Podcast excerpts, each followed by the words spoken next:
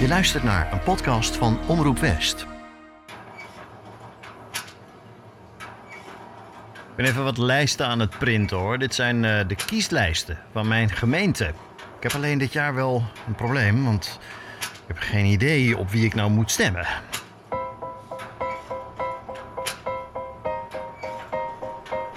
Mijn naam is Richard Grootbot en dit is De Stem van West. Een podcastserie waarin ik de komende tijd probeer te bepalen op welk gemeenteraadslid ik mijn stem ga uitbrengen. 16 maart, dan zijn de gemeenteraadsverkiezingen. Maar wie moet je kiezen? Wie zitten er achter die namen? Wat voor mensen zijn dat die zich kandidaat stellen voor de gemeenteraad? Wacht even, wat staat er nou weer? Wat? Inktcassette empty? Nou al? Ooit ben ik een keer zelf benaderd door een politieke lokale partij of ik misschien op hun kieslijst zou willen. We zoeken kritische geesten, zei de lokale fractieleider die me belde. Nou, natuurlijk maar gezegd dat ik als verslaggever van de regionale omroep nou helemaal niet de politiek in kan. Want dan zou ik misschien een keer mezelf moeten interviewen of verslag doen van een raadsvergadering waar ik zelf bij was als raadslid. Dat zijn goede redenen, maar een andere reden was dat ik vooral bang was voor het extra werk. Lange vergaderingen tot diep in de nacht, stapels raadstukken lezen. dan lees ik in de krant dat heel veel mensen nee zeggen als ze zo'n telefoontje krijgen. Politieke partijen hebben de grootste moeite om nieuwe kandidaat-raadsleden te vinden. En tegelijkertijd stopt gemiddeld 40% van de mensen die nu in een gemeenteraad zitten. Mensen die er ooit met hart en ziel voor gekozen hebben om raadslid te worden. Wat gaat er mis met de gemeenteraad? Dat onderzoek ik in deze eerste aflevering van De Stem van West. De plaatselijke overheid, dat moet ik nog horen. Is leuk hè, mensen ter schande brengen, is leuk hè? Is leuk hè? Is leuk hè? zeg leuk dan, zeg ja dan. Nee, Jullie hebben geen respect, Mattie. Jullie komen die dingen Het Zoetermeerse raadslid Hilbrand Nawijn, die tijdens een tv-interview door jongeren wordt lastiggevallen en geïntimideerd. Zeg het eens voor de kamer. Oprotten. is een van de incidenten die de afgelopen jaren gebeurden en waarbij raadsleden met bedreigingen of zoals hier met intimidatie en agressie te maken krijgen. Onderzoek laat zien dat 15% van alle Haagse raadsleden wel eens zo'n bedreiging heeft ontvangen. Dat is drie keer zoveel als in 2015. GroenLinks-raadslid Serpil Ates is één van hen. Ze spreekt zich uit over mensenrechten en over de rechten van de Koerdische minderheid. En ze kreeg via sociale media ineens een bericht van een onbekende. Morgen kom ik je vermoorden met een foto van een wapen erbij. Ze hebben me niet bang gekregen, zegt ze in reactie op die doodsbedreiging. Een raadslid uit Delft die vertelde: Ik werd zwaar geïntimideerd vanwege een afsplitsing. En dat gebeurde ook op het internet. En een raadslid uit Wassenaar die zegt dat een collega-raadslid zijn naam op Twitter heeft gekoppeld aan Duitse concentratiekampen.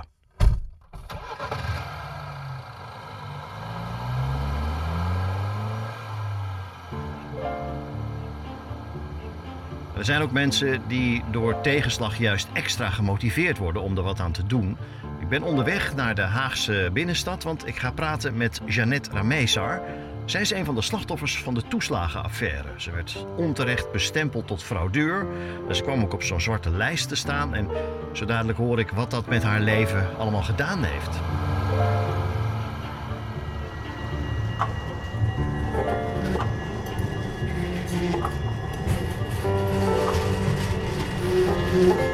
Maar één ding weet ik al wel. Jeannette is niet teleurgesteld in de democratie. Sterker nog, ze wil in de Haagse gemeenteraad voor de SP. Voor die partij zit nu één iemand in de Haagse raad en zij wil nummer drie worden. Ik kan wel boos blijven en aan de kant blijven roepen van het moet allemaal anders. Maar ja, ik kan het net goed zelf proberen. En ehm, ja, dat was uiteindelijk de reden waarom ik dacht van nou, ik, eh, ik meld me aan. Jeannette Rameesar vertelt me dat ze een heel zware periode achter de rug heeft... waarin ze moest vechten om er gelijk te halen bij de Belastingdienst... die haar op zo'n zwarte lijst heeft gezet. Vanaf 2010 heb ik dus eh, negatief te maken met de Belastingdienst. Eh, ik moest eh, alle kinderopvangtoeslag die ik had ontvangen, moest ik dus terugbetalen. Het ging om best wel een groot bedrag nou, die ik niet eh, zomaar in één keer op de bankrekening eh, had staan. Dus eh, uiteindelijk ehm, ja, werd dat gewoon heel erg zwaar. Je gaat onder het bestaansminimum leven. Ehm, je wordt er eigenlijk ook gewoon ziek van. want ik wist dat ik niks verkeerds had gedaan. De Belastingdienst die gaf aan dat ik stukken niet had aangeleverd. Nou, die had ik allemaal persoonlijk ingeleverd bij het belastingkantoor. Ik kon er ook gewoon niet meer van slapen, niet meer van eten. En ja, toen werd ik ziek. En ehm, ja, dat werd gewoon heel erg zwaar. En waar andere mensen door die frustraties hun geloof in de hele politiek misschien zouden verliezen, gebruikte zij haar boosheid als motor om zichzelf in beweging te zetten. Met hulp van raadsleden diende ze een motie in bij de Haagse gemeenteraad om de situatie voor slachtoffers van de toeslagenaffaire te verbeteren. En toen dat lukte, toen dacht Jeannette, dan kan er meer. Je kan wel wat doen eigenlijk. Hè? De politiek is niet alleen maar tegen je, hè? zoals heel veel mensen natuurlijk denken. En toen dacht ik, nee, ik, eh, ik ga me aanmelden. En ja, dat is uiteindelijk is dat gewoon eh, goed gegaan. Ik kwam op de lijst, ik kwam op plek 3 te staan. En die had ik eigenlijk niet verwacht. Maar hier in Den Haag geloven ze wel in mij. Dus ehm, ja, vandaar dat ik dus ook een mooie plek heb gekregen.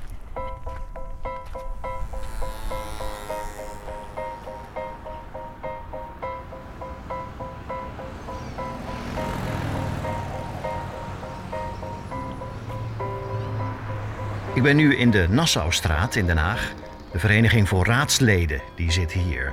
Zij geven cursussen en ze bieden ook hulp aan raadsleden die in problemen komen, bijvoorbeeld door agressie. 40% hè, van de mensen die nu raadslid zijn, die komt na de verkiezingen niet meer terug. Deel daarvan is natuurlijk gewoon weggestemd. Hè. Dat was niet hun eigen besluit. Maar een ander deel van die opstappende raadsleden is niet weggestemd. Die stappen zelf op. Dan komt dat misschien ook door agressie en door bedreigingen. Het is een van de factoren die een rol speelt in die afweging. Het is een complex van factoren. Het heeft te maken met de enorme werkdruk voor raadsleden. Henk Bouwmans van de Vereniging voor Raadsleden zegt: agressie en intimidatie spelen zeker mee. Uit enquêtes blijkt dat een deel van de raadsleden opstapt om persoonlijke redenen. Maar ja, dat kan natuurlijk ook een verhuizing zijn of omdat ze van hun oude dag willen gaan genieten.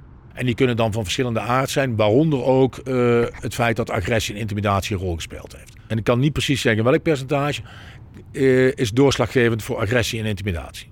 En nou lijkt het net alsof het misschien niet zo'n groot probleem is, maar niet iedereen die met agressie te maken krijgt, wil ook publiekelijk erkennen dat dat de reden is waarom die met raadswerk stopt. En soms speelt er nog iets anders mee. Uh, dat ik niet doorga uh, met uh, mijn partij Dorpen en Wijkenbelangen. Peter Bontekoe, eind 2021 bij Mediapartner Studio Alphen. Hij begint twaalf jaar geleden als CDA-raadslid in Alphen aan de Rijn. Maar wanneer hij zich niet kan vinden in de partijdiscipline, stapt hij uit de CDA-fractie en sluit zich aan bij Nieuw Elan. Minder dan een jaar na de verkiezingen wordt Bontekoe daar uit de fractie gezet. En hij gaat alleen verder met een eigen eenmanspartij, Dorpen en Wijkbelangen. December 2021 maakt hij bekend dat hij ermee ophoudt. Ik heb dan twaalf jaar volgemaakt, zegt hij. Maar er is intussen ook heel wat frustratie bij hem over hoe die is behandeld. Je krijgt geen schouderklopje als je iets bereikt. Maar het vervelende van dit werk is wel, je krijgt wel een bagger over je heen als je iets niet bereikt. Dus joh, er zijn steeds minder mensen die dit werk willen doen. En dat vind ik wel het gevaarlijke van deze tijd. Zeker nu met, met alles wat je om je heen ziet gebeuren, met die moderne media, met de social media. Ja, het wordt steeds moeilijker voor een bestuurder, voor een, voor politicus om, om zeg maar nog te durven te besturen. En ook iets te durven zeggen. En dat is wel uh, teken destijds. Heeft daarna trouwens besloten dat hij misschien toch terugkomt. Hij is althans hekkensluiter op de lijst van de VVD. Raadsleden hebben niet alleen maar te maken met intimidatie of agressie van burgers. Ook hun eigen collega-raadsleden zijn soms het probleem. Dat zegt Henk Bouwmans. Hij is van de Vereniging voor Raadsleden. Raadsleden die dus tussen haakjes, kun je dan zeggen, zogenaamd lastig zijn, dat die te maken krijgen met vormen van bejekening van collega's of vanuit het college door wethouders of burgemeesters. Uh, daar krijgen, van dat soort raadsleden krijgen we ook vragen. Ja, hoe moet ik daarmee handelen en zo? De oplossing is volgens Bouwmans om al in de gemeenteraad te bespreken wat je gaat doen bij een ruzie voordat het zover is. Een agressieprotocol op papier. Hoe te handelen als zich deze situaties voordoen, hoe gaan we ermee om in de onderlinge verhoudingen. En dat je daar procedures over afspreekt. Want wat zien wij?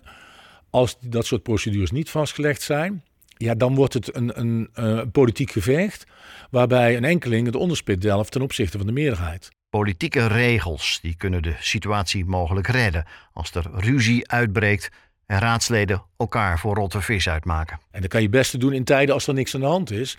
Want op het moment dat er dan problemen ontstaan, ja, dan kun je daarop terugvallen.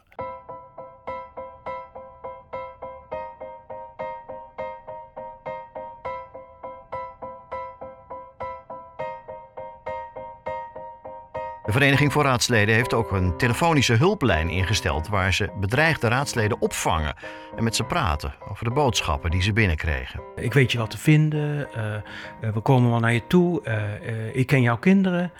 ja, en dan komt het wel heel nauw bij je. En dan ja, kun je ook op een gegeven moment gewoon zeggen van ja, dit, dit is gewoon veel te ver. Hans van Maurik is zelf raadslid in Gorkum. Hij is een van de ambassadeurs van die hulplijn.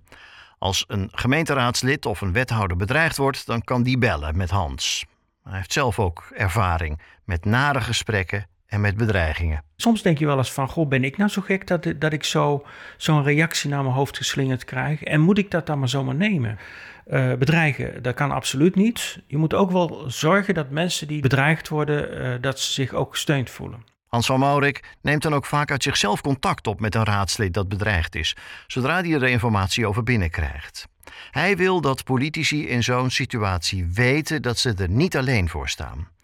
En hij zegt het ook: een grote groep raadsleden krijgt op de een of andere manier te maken met bedreigingen.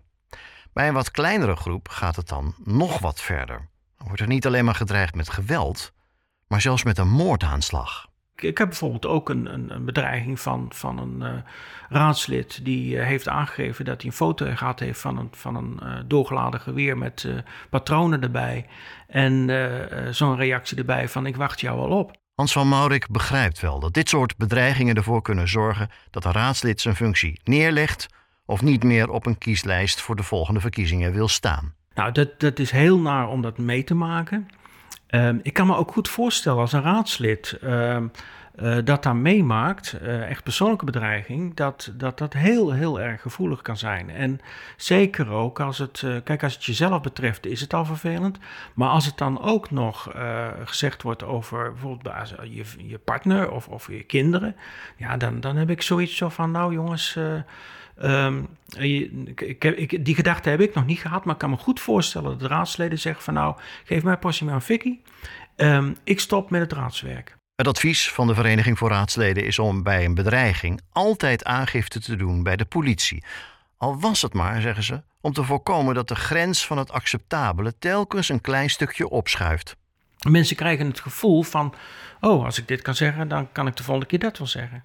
Kijk, en, en uh, nu is het nog een uh, nette foto, maar ja, uh, wat, wat natuurlijk ook afschuwelijk is, maar het zit keurig net in een envelopje. Maar we, we, kennen die gevallen ook van, van menselijke bedreigingen waar gewoon een kogel opgestuurd wordt.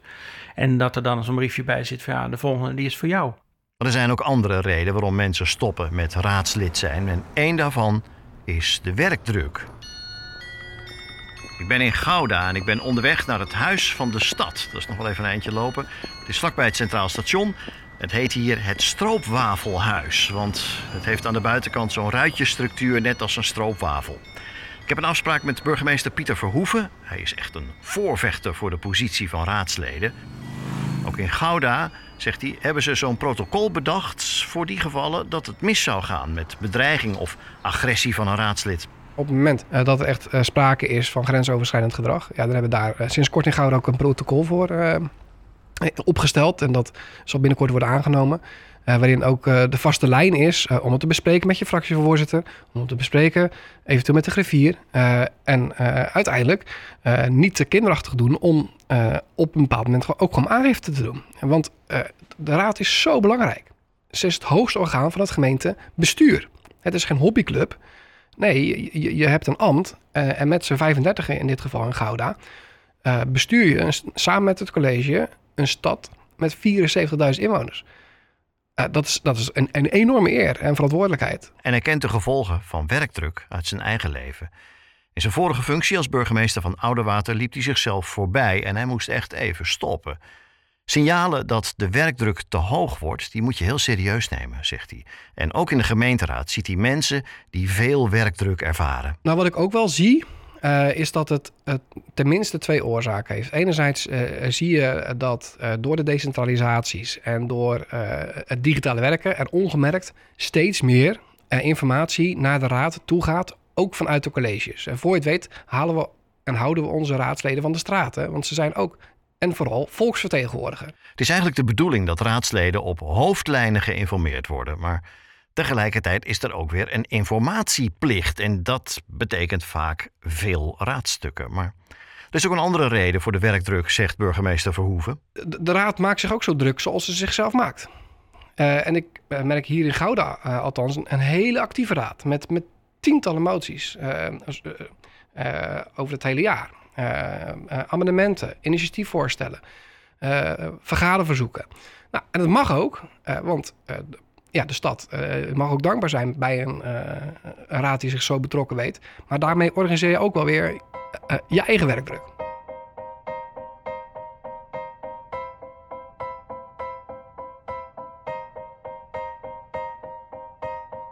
Een oplossing voor die werkdruk is voor veel raadsleden een betere samenwerking met de griffier.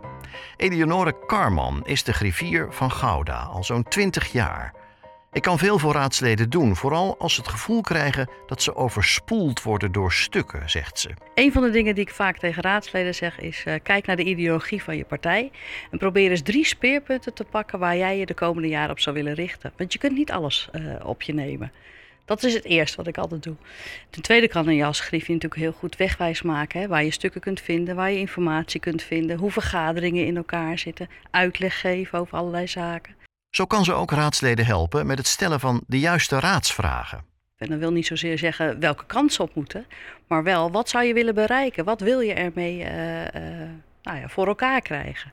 Eh, door dat gesprek met elkaar aan te gaan, zet je hen ook aan het denken. Ik had van de week iemand die zei ik was heel erg blij met het gesprek. Ik ben er, dan gaan ze vaak terug, want dan sturen we ze ook terug. Dan zeggen we vaak, kom eerst, denk er eens over na. En dan krijg je vaak veel beter geformuleerde vragen, waardoor ze ook een antwoord krijgen van het college waarvan ze zeggen, ja, maar daar kan ik nu wat mee. Eleonore helpt raadsleden ook op een andere manier. Ze geeft het voorbeeld dat ze bij het afscheid van de vorige groep raadsleden gaf. Daarbij kreeg ze bij wijze van uitzondering zelf het woord in de raad. En toen zette ik een doos tissues neer en zei: uh, Dit is een heel belangrijk uh, doos. En dan zie je sommige raadsleden kijken, maar dat is wel zo. Soms huilen ze ook bij je uit. En dat is ook belangrijk om die rol te hebben. Um, want die veiligheid moeten ze voelen om bij de Griffie met hun verhaal en ook met hun, nou ja, soms onervarenheid of hun onzekerheden terecht te kunnen.